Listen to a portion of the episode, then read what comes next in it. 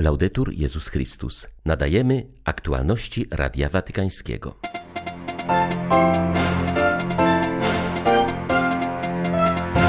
Świat potrzebuje leku braterstwa i nadziei na równi ze szczepionkami, powiedział papież na dorocznej audiencji dla korpusu dyplomatycznego. Ochrona ludzkiego życia, solidarność w Unii Europejskiej oraz wygaszanie konfliktów na świecie to najważniejsze punkty papieskiego przemówienia z polskiego punktu widzenia, uważa ambasador Janusz Kotański. Kościół pomaga poszkodowanym przez lawinę w Himalajach. 8 lutego witają Państwa ksiądz Krzysztof Ołdakowski i Krzysztof Bronk. Zapraszamy na serwis informacyjny. Braterstwo jest prawdziwym lekarstwem na pandemię i wiele nieszczęść, które nas dotknęły, mówił Ojciec Święty w czasie spotkania z korpusem dyplomatycznym akredytowanym przy Stolicy Apostolskiej. Swe przemówienie, będące tradycyjnie przeglądem sytuacji na świecie w minionym roku, poświęcił niektórym kryzysom wywołanym lub uwydatnionym przez koronawirusa. Franciszek wskazał, że miniony rok pozostawił po sobie ciężar strachu, rozpaczy i beznadziei, a także wiele osób pogrążonych w żałobie oraz skłonił państwa do wznoszenia barier. Przypomniał, że następstwa pandemii są naprawdę globalne i stawiają pytanie o to, czy dalej kontynuować styl życia zdominowany przez egoizm i kulturę odrzucenia, czy też podjąć nową drogę. Mówiąc o kryzysie sanitarnym, Franciszek podkreślił, że pandemia przypomniała o wartości i godności każdego życia ludzkiego. Z przykrością zauważam, że pod pretekstem zapewnienia rzekomych praw subiektywnych coraz większa liczba ustawodawców na całym świecie zdaje się odchodzić od podstawowego obowiązku ochrony życia ludzkiego na każdym jego etapie. Każda osoba ludzka jest celem sama w sobie, nigdy nie jest jedynie narzędziem, które należy doceniać tylko ze względu na jego użyteczność, ale jest stworzona, aby wspólnie żyć w społeczeństwie, gdzie wszyscy członkowie są równi pod względem godności. Jeśli usuwa się prawo do życia najsłabszych, jak można skutecznie zagwarantować wszelkie inne prawa?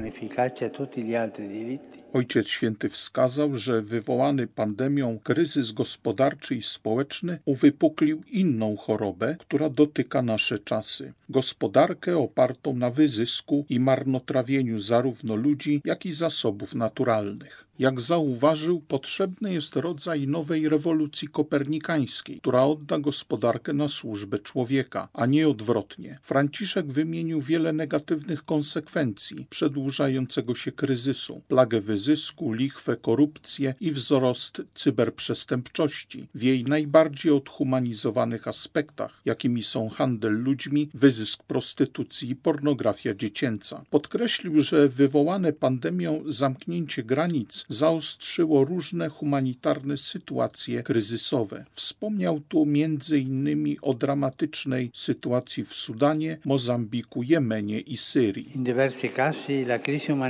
W wielu przypadkach kryzysy humanitarne są zaostrzane sankcjami gospodarczymi, które dotykają głównie słabszych grup ludzkości, a nie tych odpowiedzialnych politycznie. Dlatego też Stolica Apostolska ma nadzieję na ich rozluźnienie, również w celu sprzyjania przepływowi pomocy humanitarnej, przede wszystkim leków i instrumentów medycznych, niezwykle potrzebnych w tym okresie pandemii. Oby przeżywana przez nas sytuacja gospodarcza była również bodźcem do umorzenia, które obciąża kraje najuboższe, co w istocie uniemożliwia ich odbudowę i pełny rozwój. Franciszek mówił też o dotkliwym kryzysie polityki, który uwidocznił się nawet w krajach z długą tradycją demokratyczną.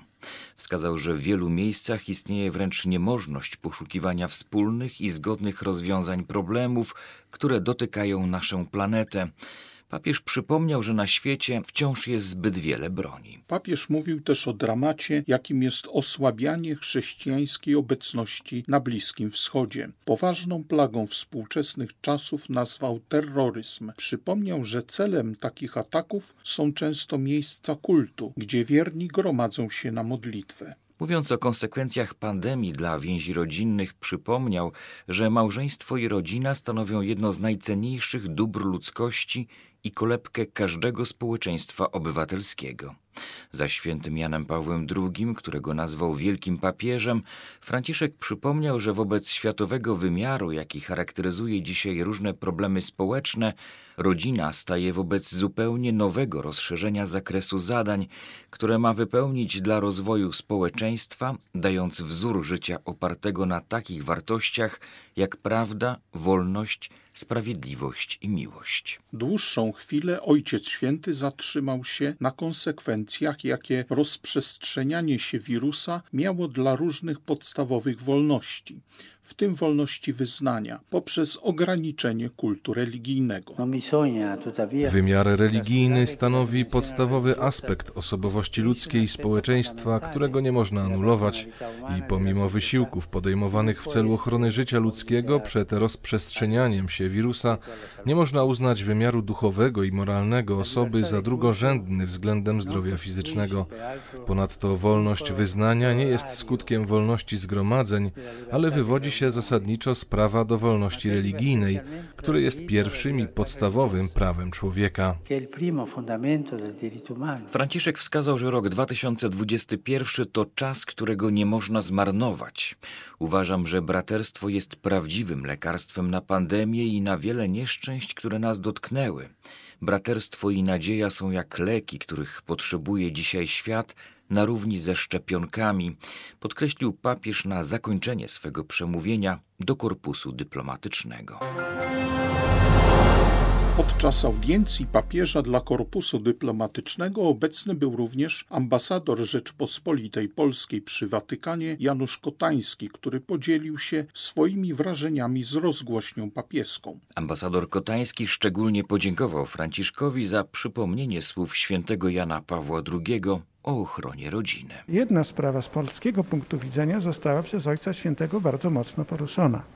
Sprawa ochrony życia od poczęcia do naturalnej śmierci papież podkreślił, że Unia Europejska musi działać solidarnie. Należy to kontynuować, że to jest dopiero początek. Z polskiego punktu widzenia jest bardzo ważne także to, że papież podkreślał, że w różnych punktach globu dochodzi do sytuacji konfliktowych i należy je rozwiązywać w sposób pokojowy. Dlaczego ważne to jest z polskiego, ale i europejskiego punktu widzenia? Ojciec Święty wspomniał o Libanie, o niezwykle trudnej sytuacji w Libanie.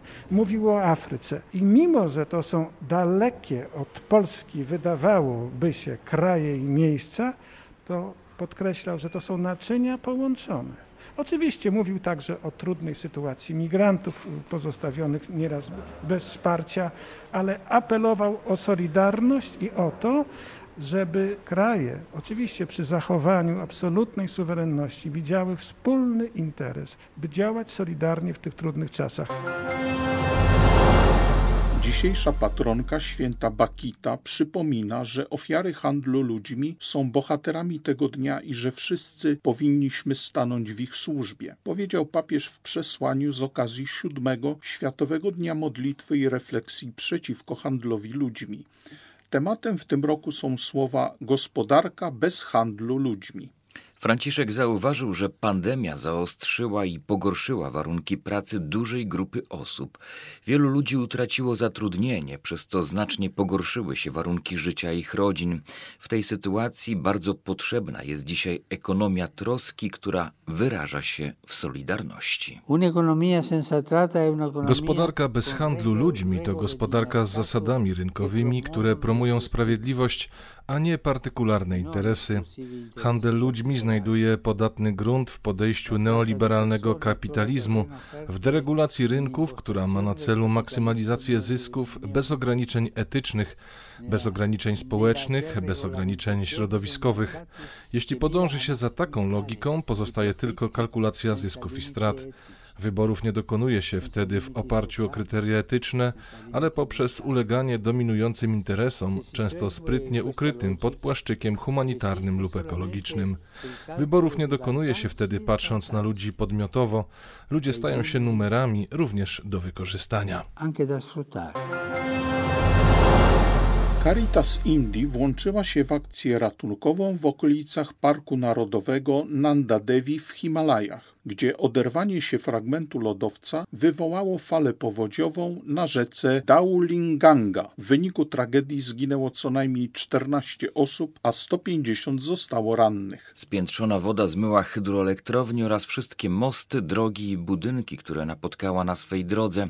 Do tej pory udało się uratować 25 osób, jednak około 200 wciąż uważa się za zaginione. Arcybiskup Bombaju, kardynał Oswald Gracias, podziękował władzom za zorganizowanie sprawnej akcji ratunkowej i zapewnił o modlitwie w intencji odnalezienia zaginionych. Misja katolicka w dotkniętym tragedią stanie Uttarakhand pomaga lokalnym służbom w ocenie szkód. Kiedy tylko uporamy się z oceną zniszczeń, zaczniemy wysyłać pomoc, powiedział biskup Vincent Nelaim Parambil, ordynariusz dotkniętej tragedią diecezji.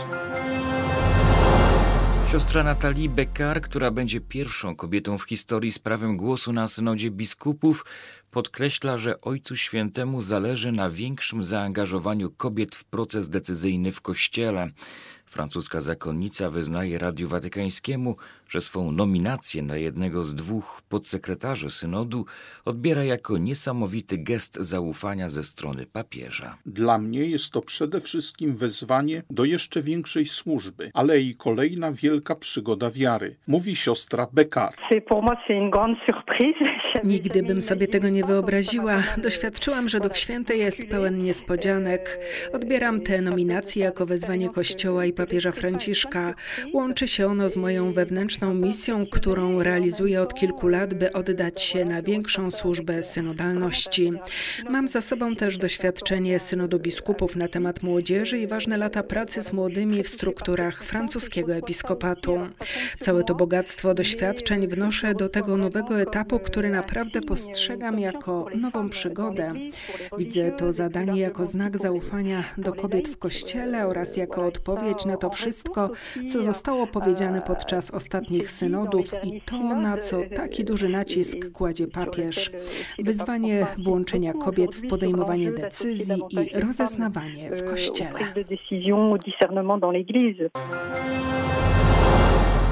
Wczoraj po modlitwie Anioł Pański papież zachęcał Włochów do modlitwy o nastanie demograficznej wiosny, pełnej dzieci i rodzin. Podkreślił zarazem, że obecnie w Italii panuje zima demograficzna, a przyszłość kraju jest zagrożona. Włosi obchodzili wczoraj Dzień dla Życia. W tym roku jego hasłem była relacja między wolnością a obroną życia. Musimy szerzyć kulturę życia, wspierając tych, którzy jej bronią, podkreśla arcybiskup Filippo Santoro, przewodniczący Komisji Episkopatu Włoch do spraw problemów społecznych, pracy i pokoju. Questa è la questione. È proprio Chodzi właśnie o to, aby zrozumieć właściwy sposób korzystania z wolności. Wolność i życie są największymi darami, jakie otrzymaliśmy, ale wolność służy temu, aby pomóc nam wzrastać w tym, co nadaje sens naszemu życiu. Dlatego życie musi być szanowane we wszystkich swoich wymiarach, od poczęcia do naturalnego końca. Wolność to nie zachcianki, to nie poddawanie się swoim popędom. Musimy zacząć traktować życie jako wartość, a nie jako dobro konsumpcyjne. Jeśli uznam życie za wartość, to nie mogę nim dysponować jak mi się podoba. Jeśli jednak potraktuję je jako dobro konsumpcyjne, wtedy zostaje zmaterializowane i sprowadzone do poziomu cywilizacji marnotrawstwa. Musimy wykorzystać wszystkie środki, jakimi dysponujemy, zarówno w kościele, jak i w społeczeństwie, aby zapoczątkować prawdziwą kulturę życia si, si, si porti avanti e si sviluppi una cultura della vita. Były to aktualności Radia Watykańskiego. Laudetur Jezus Chrystus.